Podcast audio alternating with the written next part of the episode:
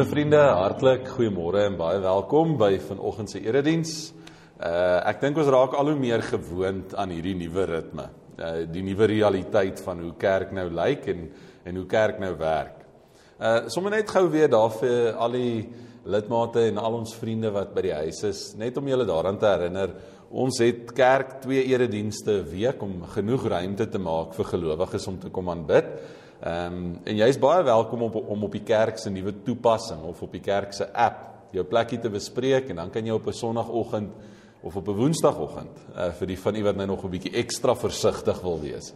Somme hier by die kerksentrum saam met ons kom aan bid. So vir julle wat vanoggend die moeite gedoen het om kerk toe te kom, is lekker, is lekker om saam met julle te kan aanbid en is regtig met soveel opgewondenheid wat ons net sê mag hierdie ruimte en mag daai ruimte by jou huis nou die ruimte wees waar die Here heers en waar jy as gelowige God kan aanbid. Elke erediens begin met 'n fotum en uh, dis 'n latynse woord wat beteken gebed of begeerte.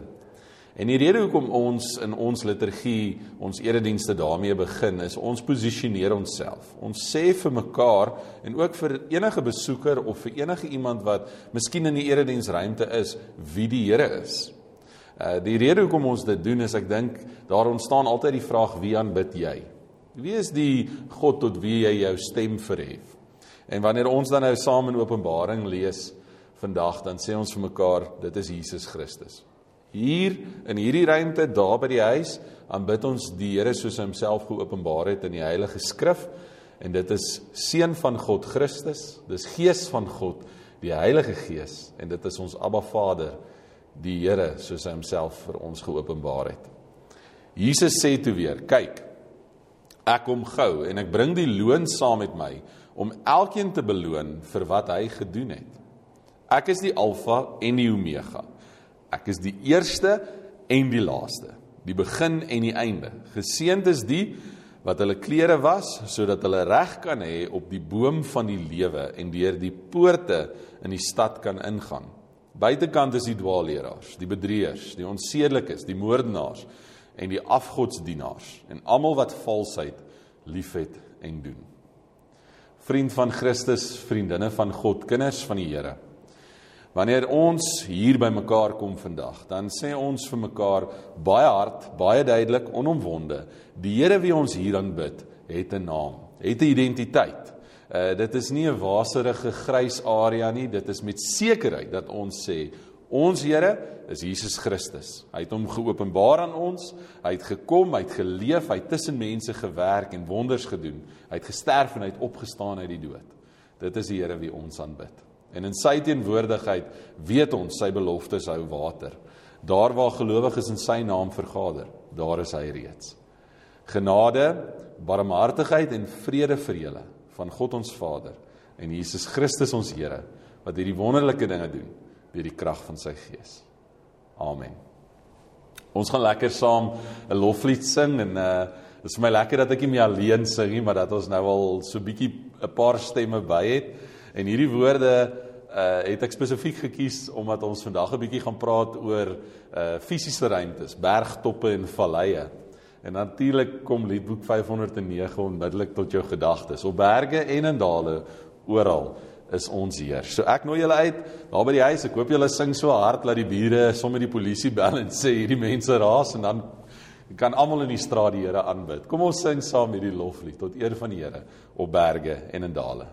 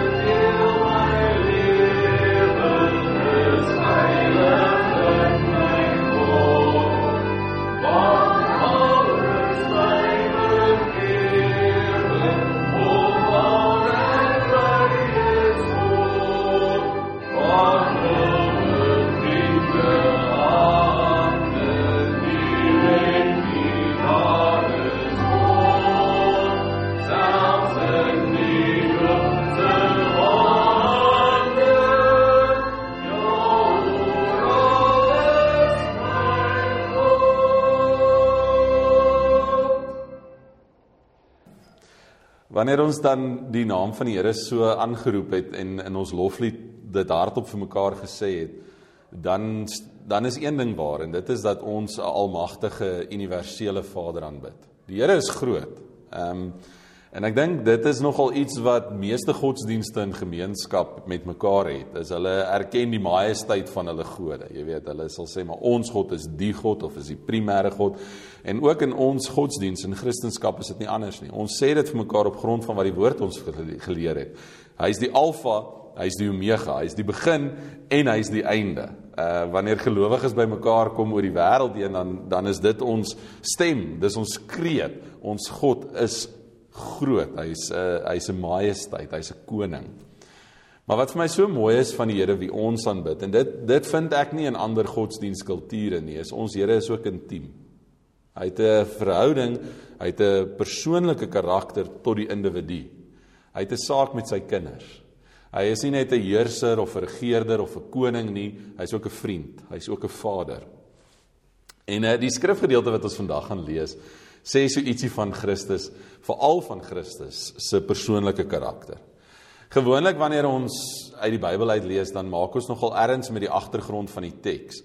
Maar ek gaan nou nie vandag baie moeite maak om vir jou te sê hoekom Matteus die eerste evangelie in die Bybel is nie, want uh, ek dink teen die tyd weet meeste mense dit was 'n natuurlike brug tussen die Ou en die Nuwe Testament. Dis nie die oudste evangelie nie. Maar dit het ietsie van Jesus se verbintenis tot God die Vader baie mooi geïllustreer. Ek wil wanneer ons praat oor die agtergrond van die teks, so klein bietjie meer fokus op die persoon van Jesus Christus. Dis interessant as ons hierdie gedeelte gaan lees dat dit vooraf gegaan word ehm um, met in in die evangelie van Matteus met gedeeltes wat vir ons so bietjie wys hoe Jesus werk. Jesus Christus het gewerk met 'n binnekring. Ehm um, dit, dit ek ek dink baie keer mense is versigtig om dit te sê want jy jy laat dit amper klink asof Jesus klieks gehad het, maar dis nie so nie. Jy kan duidelik in Jesus se lewe sien, hy het gewerk met makrogroepe, nê? By die bergrede het hy gepreek tot die skares. Maar Jesus het op 12 geroep. En selfs in daai 12 sien ons nog 'n kleiner netwerk van Jakobus, Johannes en Petrus wat wat eintlik Jesus se diepste vertrouelinge is. En hierdie gedeelte, hierdie verheerliking op die berg waarvan ons vandag gaan lees, simboliseer ietsie moois van hoe hierdie binnekring die geleentheid gehad het om Jesus te leer ken. Om regtig Jesus in sy goddelikheid te aanskou. Die gedeelte word vooraf gegaan met Petrus wat natuurlik die belydenis gemaak het: "U is die seun van God. U is die Messias."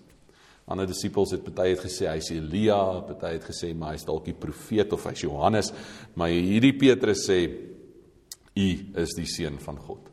En wat nou reeds gebeur in Matteus is ons sien dat die messiaanse vraagstuk uh baie baie sterk na vore kom. Nou baie min mense weet wat beteken die woord messiaanse vraagstuk. Maar die antwoord is eintlik eenvoudig. Dis Jesus wat sy messiaskap, sy heerlikheid 'n geheim hou. Hy sê vir Petrus: "Geseënd is jy, maar moet dit vir niemand sê nie."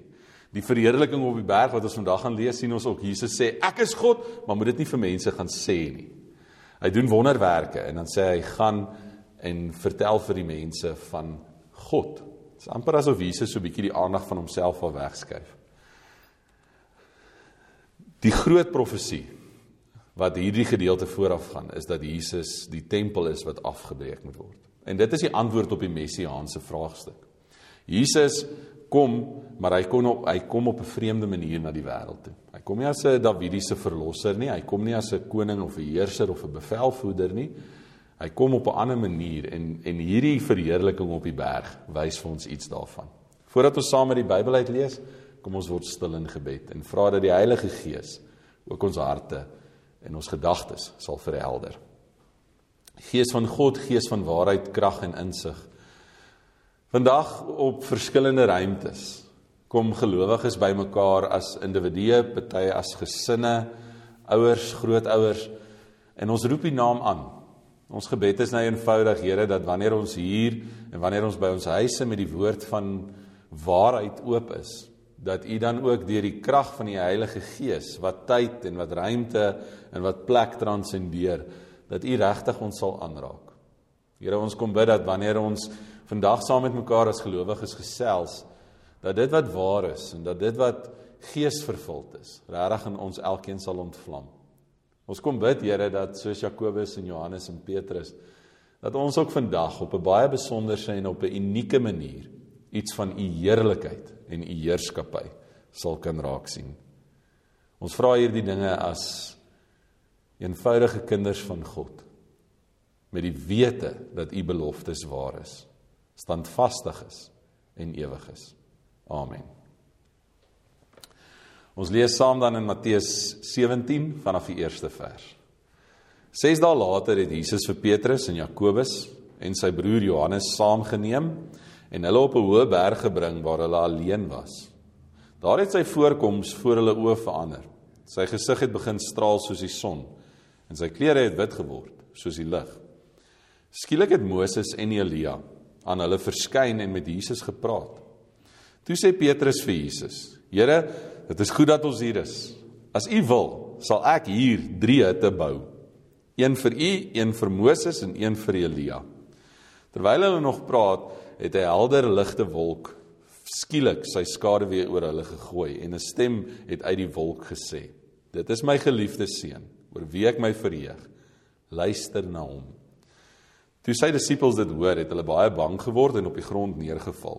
Maar Jesus het na hulle toe gekom, hulle aangeraak en gesê: "Staan op, moenie bang wees nie." Toe hulle opkyk, het hulle niemand gesien nie, net vir Jesus. Terwyl hulle van die berg afkom, het Jesus hulle beveel: "Wat julle gesien het, moet julle vir niemand vertel voordat die seun van die mens uit die dood opgewek is nie." Net tot sover. Hierdie is die baie bekende verheerliking op die berg. Meeste gelowiges weet ehm um, van hierdie toneel wat afspeel waar Jakobus, Johannes en Petrus saam met Jesus teen die berg opgaan en wat baie belangrik is van die gedeelte is dit word in al die evangelies vertel. En dit dit reg nogal baie gewig tot die gebeurtenis want al die getuies van Jesus se lewe getuig dat hierdie toneel afgespeel het. Maar wat wonderlik lekker is is hoe hulle verskillende invalshoeke het. En ek wil julle regtig aanmoedig by die huis en ek wil julle aanmoedig hier om bietjie die moeite te gaan doen om hierdie drie gedeeltes um, langs mekaar te gaan sit en bietjie te lees en te sien hoe verskillend het Markus en hoe verskillend het Lukas en hoe verskillend het Matteus hierdie gedeelte geïnterpreteer. Die rede hoekom ek Matteus gekies het is omdat Matteus so klein bietjie meer simbolies werk. En ek wil graag die simboliek van Matteus 'n bietjie probeer interpreteer met my en jou konteks vandag. Lukas vertel die storie baie mooi hoe hy dit gesien het en ons gaan nou net so 'n bietjie kyk na 'n ander invalshoek wat hy uh ook ervaar het. Maar wanneer Matteus oor hierdie gedeelte praat, dan lê hy baie klem op hierdie gelaat van Jesus Christus wat verander het. Dit ek hoop dit het julle ook getref en ek hoop dit was vir julle mooi oor hoe Matteus so duidelik gesê het Jesus het verander. Ehm um, hy het, hy het begin straal en hy het, hy het, hy het, hy het helder helder geword en uh toe die disippels dit sien het hulle verstaan iets groots aan die gebeur. En ek wil so 'n bietjie praat oor lig want ek dink uh wanneer 'n mens praat oor lig en beligting dan is dit belangrik om te verstaan wat Matteus vir ons hier probeer sê oor Jesus Christus self. Dis baie belangrik dat as ons Matteus lees dat ons vir mekaar sal sê Jesus was nie billig nie. Uh, dit was nie uh, ons het al die bekende gedeeltes gehoor van die wolk en dan uh, by Jesus se doop is dit 'n stem wat uit die wolk uitkom of uit die hemel uitkom. Dit is my geliefde seun. Die bron van krag of die bron van waarheid kom van iewers af. Maar by Jesus se verheerliking op die berg is dit is dit nie so nie. Dis nie dis nie 'n lig wat van bo af op hom skyn nie. Wat ons ook vir mekaar moet sê is dis nie dat Jesus Christus 'n lig weerkaats het nie. Ehm um, Ek ek ek dink die maklikste manier om dit te verduidelik is baie keer sal jy by iemand sit en dan die volgende oomblik kan voel jy daar's 'n lig in jou oë en dan besef jy o, maar dis sê net maar sy horlosie. Of baie kere as jy op die pad ry, ek weet nie of dit al met julle gebeur nie, dan die volgende dan dan dan glinster die son van die persoon wat voor jou bestuur se se agteruit af en en jy weet dis 'n lig wat weer kaats is. En ek en ek dink baie mense sal nie verstaan hoekom maak ek nou erns hiermee nie, maar ek dink dis belangrik dat die kerk vandag erns moet maak hiermee.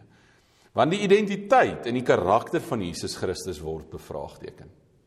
En dit is my moeilik om dit te sê, maar ek moet dit sê dit word tot bevraagteken in ons kerk vandag.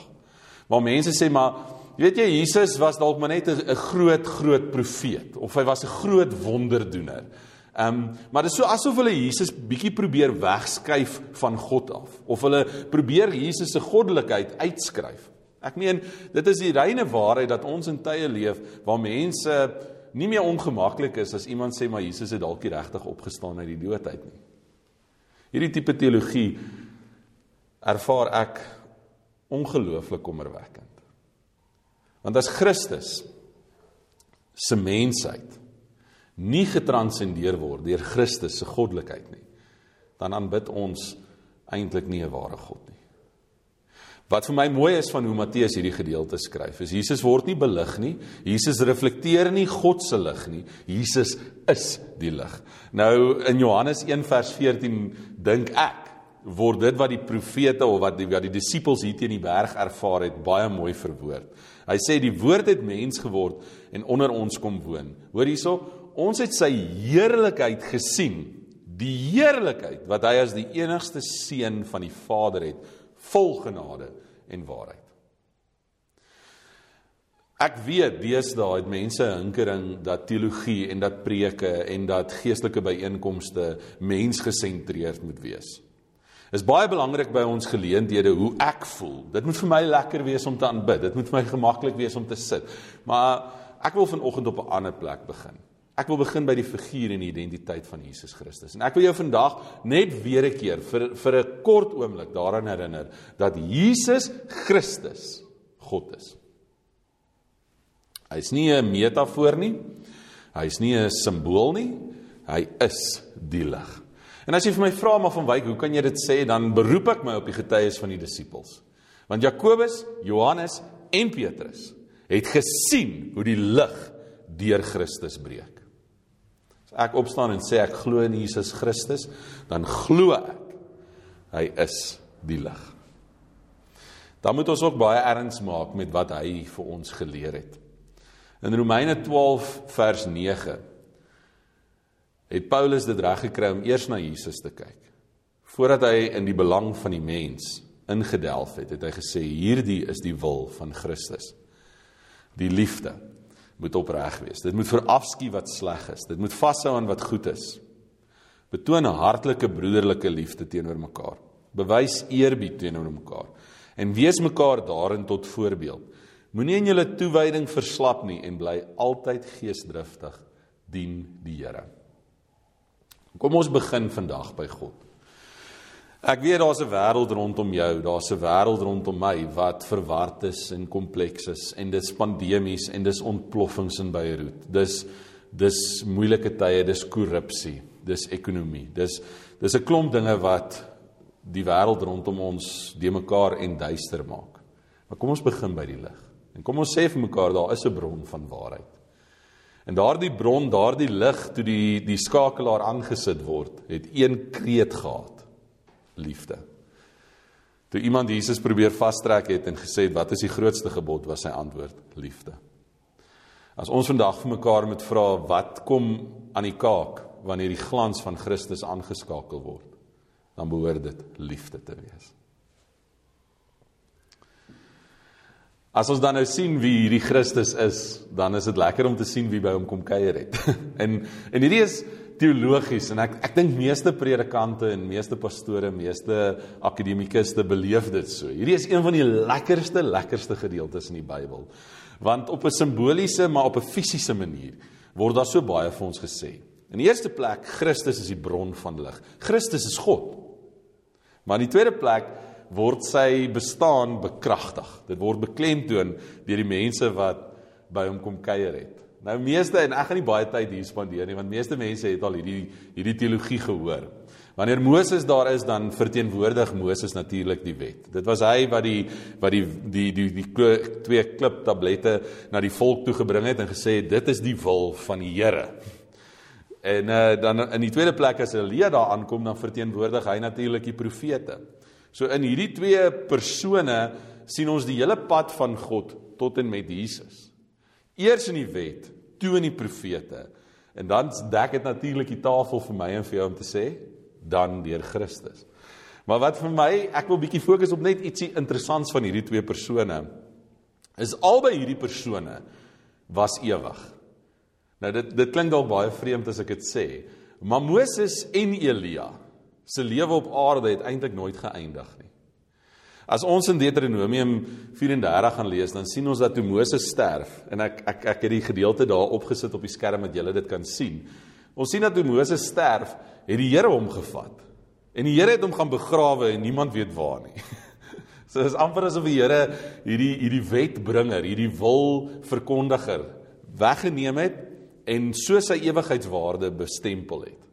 Ons weet dit is een van die mooiste kinderbybelprentjies om in te kleer dat Elia in 2 Konings met strydwaans met 'n met 'n vuurwa van perde die hemel ingery het. Nooit dood nie. En uh, net so terloops, hier is nou maar net bietjie teologie. Onthou dat in die Ou Testament was die dood die finale oordeel. So die die die rede hoekom God in albei hierdie persone se dood kom ingryp simboliseer so iets van hulle heiligheid, simboliseer so iets van hulle goedheid en hulle toegewydheid tot God. En dit dit moet ietsie by my en jou wakker maak om te sê maar waar waarin lê my en jou hoop? Waarin lê my en jou verwagting? Ek gaan jou uitnooi om vanoggend so 'n bietjie tyd te vat. Ehm um, en gewoonlik doen ons dit met 'n stil gebed en ek gaan 'n kort oomblik gee vir stil gebed en dan gaan ons 'n lied saam sing. Elia kon met vrymoedigheid na God toe gaan.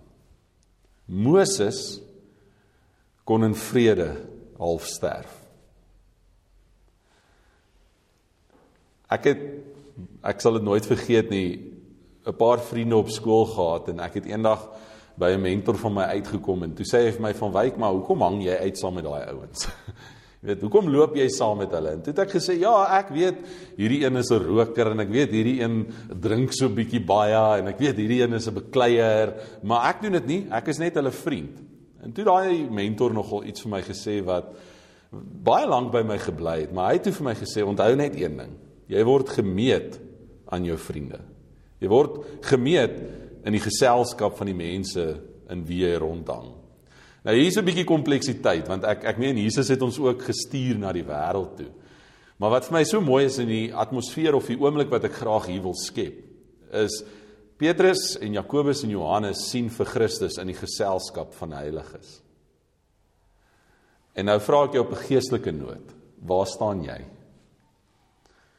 Wie is jy? As iemand in jou geselskap is, word daai persoon se waarde opgelig of as iemand in jou geselskap is, word daai persoon se waarde neergedruk. Kom ons word stil voor die Here in 'n oomblik van selfevaluering. En ek weet mense wat mal is oor voorspoedsteologie hou nie van belydenis nie. Maar my geloof is, dit is eers wanneer ons ons gebrokenheid voor God bely wat ons die ruimte skep vir heiligmaking. In wiese geselskap is jy? Kom ons bid saam.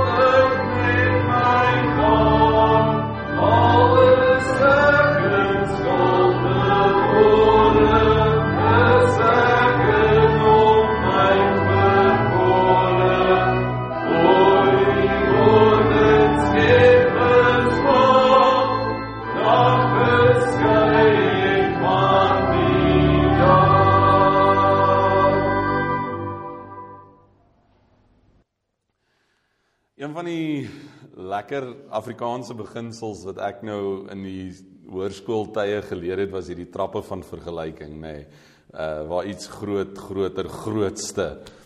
En uh wat vir my so mooi is van hierdie oomblik hier op die berg waar Jesus sy disippels saam met hom gevat het, is dis so amper asof die asof ons ietsie hiervan kan leer van hoe die trappe van verlo verlossing gewerk het. En ehm um, wat ek hiermee bedoel is en dis hoekom ek julle aangemoedig het om iets te gaan lees van die evangelies en hoe hulle verskil.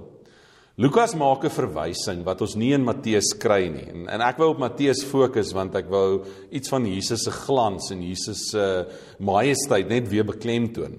Maar Lukas sê in in sy 9de hoofstuk se 30ste vers. Hulle het 'n 'n hemelse glans verskyn en het met hom gepraat oor sy uittog wat hy in Jerusalem sou voltooi. En uh, wat lekker is van hierdie woord uittog, is as jy die Griekse taal gaan lees, dan speel dit baie terug op die woord van die uh, Exodus, die die uittog uit Egipte. Ehm um, en ek weet vir 'n feit toe Lukas hierdie woord gebruik het, het hy geweet elke Israeliet sal verstaan waaroor hy praat. En dan en dan laat 'n mens on, ek wil amper sê instinktief dink wat hy vir ons hier probeer sê, want onthou Moses was die persoon wat se uittog uit Egipte was. Hy het die Israeliete gevat en gesê Farao laat my mense gaan. Dit was 'n fisiese ding. Hulle was fisies nie by hulle huis nie. Hulle was slawe in 'n vreemde land en fisies kom Moses en sê ek vat julle nou. Ek vat julle terug na die beloofde land toe. Elias se uittog was baie meer simbolies, nê? Nee? Want onthou, hy was mos nou daai een wat met die seelose of die slegte vrou moes moes werk en te werk gaan, want hy Hy moes eintlik God posisioneer as die ware God. So dit was 'n geestelike uittog. Waar die volk eintlik bietjie geestelik verdwaal het, was dit Elia se taak, Elia se hele lewe om hierdie mense terug te bring na die Here toe. So as Moses die volk uit ballingskap uitgelei het, dan was dit Elia se werk om hulle te lei uit die sonde uit, want hulle was verval daarin. En dan moet ons die vraag vra in trappe van verlossing, wat was Jesus se doel? En ons sit 'n bietjie in 'n bevoordeelde posisie want ons kan Jesus se lewe in perspektief plaas. Ons staan ver agter dit en ons weet Jesus lei die mensdom dan uit die dood. Ek ek hoop en ek ek vertrou u sal die moeite doen om regtig 'n bietjie te gaan kyk elke lied wat ons vandag gesing het. Die meeste van die skrifgedeeltes wat ons aangehaal het, het die dood as groot vyand geposisioneer. En ek wonder of is ek en jy en is die mensdom vandag nie 'n bietjie verdwaal nie want 'n klomp dinge bedreig ons nie waar nie. Ons is bang vir hongersnood ons is bang vir geweld ons is bang vir ons is bang vir 'n klomp dinge. Maar uh, ek ek roep dit so goed ehm um, dat uh, ek kan as kind so mooi onthou baie kere as ek met 'n vreeslike slegte rapport by my ma aangekom het dan het ek al met die verskonings begin lank voor ek by haar is ek sal sommer haar in die gang al sê Maar die wiskunde was moeilik en ek het hierdie ding nie reg gekry nie en wat wat wat wat wat in die tyd wat ek by haar kom verwag ek net hierdie loosing. En dit was altyd vir my so mooi en en eintlik 'n baie mooi lewensles want as ek aan haar die rapport gegee dan bars ek sommer uit in trane en sê ek weet ek het nou droog gemaak en straf my of oordeel en dan sou sy altyd vir my gesê het maar is jy dood? En dis nogal iets lekker want my vrou doen dit in ons huwelik ook. Sy's nogal lief uh, want ek's maar so 'n bietjie 'n melodramatiese mens, jy weet. Ek sal nou as die Vrystaat uit die uh super rugby reeks uit is, sal ek nou nogal soos 'n viswyf te kere gaan. En sê my span is nie meer daar nie en dan sal my vrou sê, "Maar is jy dood?" Uh en uh ek sal as uh, SARS vir my daai SMS stuur wat meeste van ons nou hierdie week gekry het waar hulle nou vir ons sê, "Maar groot verrassing, jy skuld ons geld." dan is ek die eerste een wat daar amper met my hand op my voorkop op die bed gaan lê en sê die wêreld is verby en dan sal my vrou sê maar is jy dood. En ek dink wat interessant is van hierdie pandemie en die hysteria van die wêreld is die mense sal sê maar ons het te doen met die dood. En dan wonder ek of het ons die trappe van verlossing vergeet. Want uh Jesus Christus het die dood oorwin. Jesus Christus het opgestaan uit die dood. En dan moet 'n mens vir mekaar vandag die vraag vra: Wat is die ergste ding wat met jou kan gebeur? Is bankrotskap die ergste ding wat met jou kan gebeur? Dis baie erg en ek sal dit nooit ontken nie, maar ek dink nie dis die ergste nie. Is COVID-19 die ergste ding wat met jou kan gebeur? Dis baie erg, maar ek dink nie dis die ergste nie. Is die dood die ergste ding wat met jou kan gebeur? Dis baie erg, maar ek dink nie die ergste nie. Ek dink die ergste ding wat met jou kan gebeur is jy kan sterf sonder dat jy weet Jesus Christus is jou verlosser. Want dit impliseer dat die dood die finale sê gehad het. In Psalm 103 en ek wou so ietsie van die Ou Testament maak. Lees ons dat die psalmskrywer iets verstaan. Hy sê barmhartig en genadig is die Here, lankmoedig en vol liefde. Hy sal ons nie ons sonde bly toereken en, en nie vir ewig toornig bly nie. Hy handel nie met ons volgens ons sondes nie. Hy vergeld ons nie vir ons ongeregtighede nie. Want so groot as wat die afstand tussen die hemel en die aarde is, so groot is sy liefde vir die wat hom dien. So ver as wat die ooste van die weste af is, so ver verwyder hy ons oortredinge van ons af. Toe hierdie psalmskrywer hierdie woorde geskryf het, het hy nie Jesus Christus geken nie. So hy het dit geskryf natuurlik glo ek onder leiding van die Gees, dat die Gees van God het vir hom gesê dis wie die Here regtig is. Maar kan jy verstaan dat as jy na die figuur en die persoon van Jesus kyk, dan word daai woorde waar. Dan is dit waar. Ons sonde en die dood is finaal oorwin. Nou in hierdie tye is dit nogal vir my baie interessant uh want jy sien nogal baie politiek. Jy weet jy jy ek meen ons leef in die tyd van Jacob Zuma's en Donald Trump's. Ons leef in die tyd van Black Lives Matter en uh, die AWB. Ons leef in in in tye van polarisasie. En dit is my interessant hoe jy ekstremistiese groepe teenoor mekaar sien staan want hulle sal altyd sê daai mense aan daai kant is in die duister. Ons is verlig. Ons het die antwoord. Ons het die waarheid of ons het ek wil net amper sê een of ander wysheid bekom wat die ander groepe nou nog nie het nie. Maar dis hoekom ek bietjie wou speel en veral wou speel met die teks in Matteus, want ek dink daar's eintlik net een ware verligte mens of een ware verligte persoon en dis die persoon wat die identiteit van Jesus Christus begryp. Jesus Christus het gewerk met 'n ondersteuningsnetwerk. Ons sien in hierdie toneel 'n paar mooi goed. In die eerste plek roep hy vir Jakobus en vir Johannes en vir Petrus en hy sê kom saam met my. En wanneer hy daar is, dan sluit Elia en Moses by hom aan. Dis die geselskap waarin Christus is.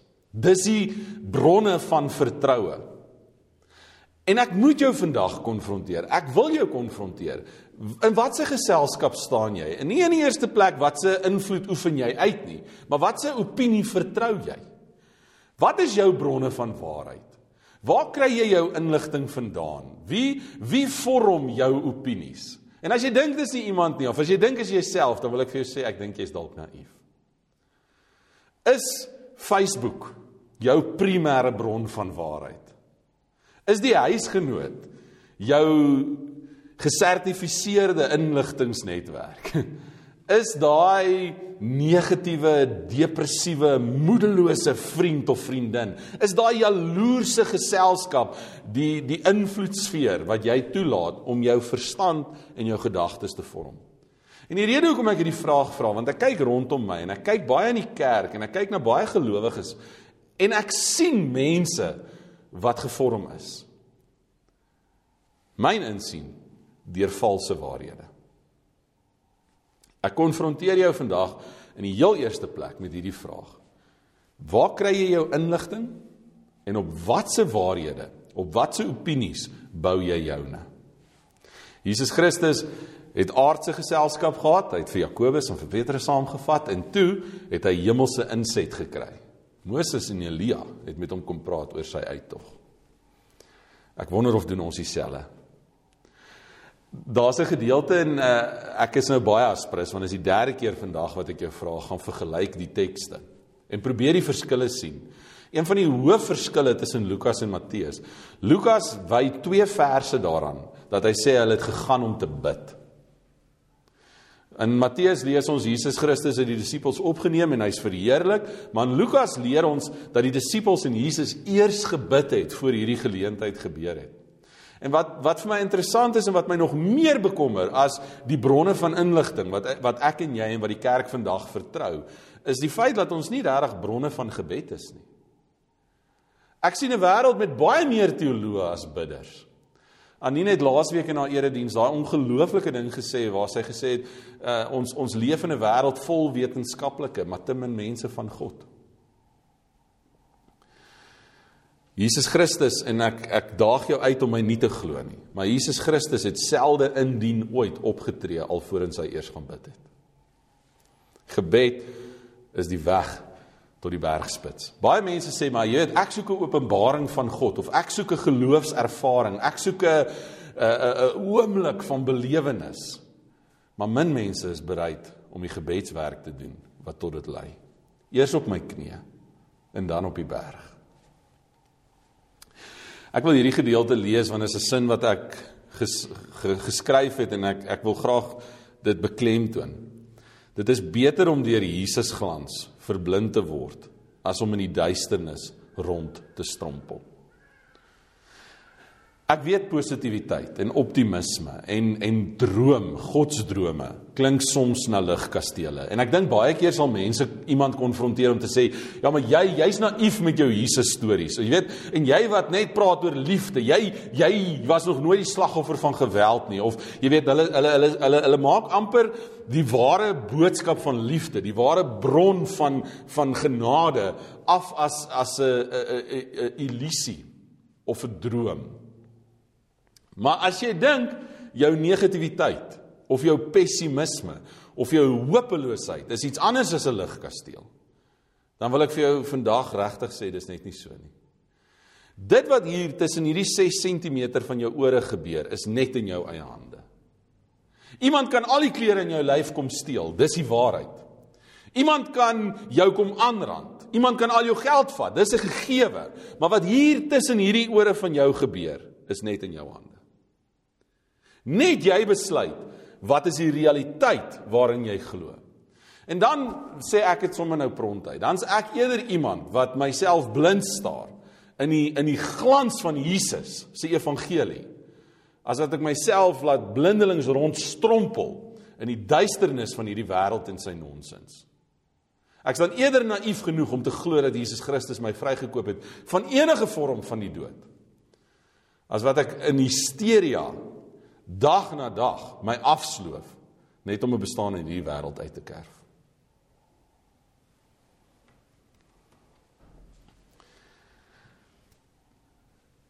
Petrus se reaksie is die reaksie van die kerk deur die eeue.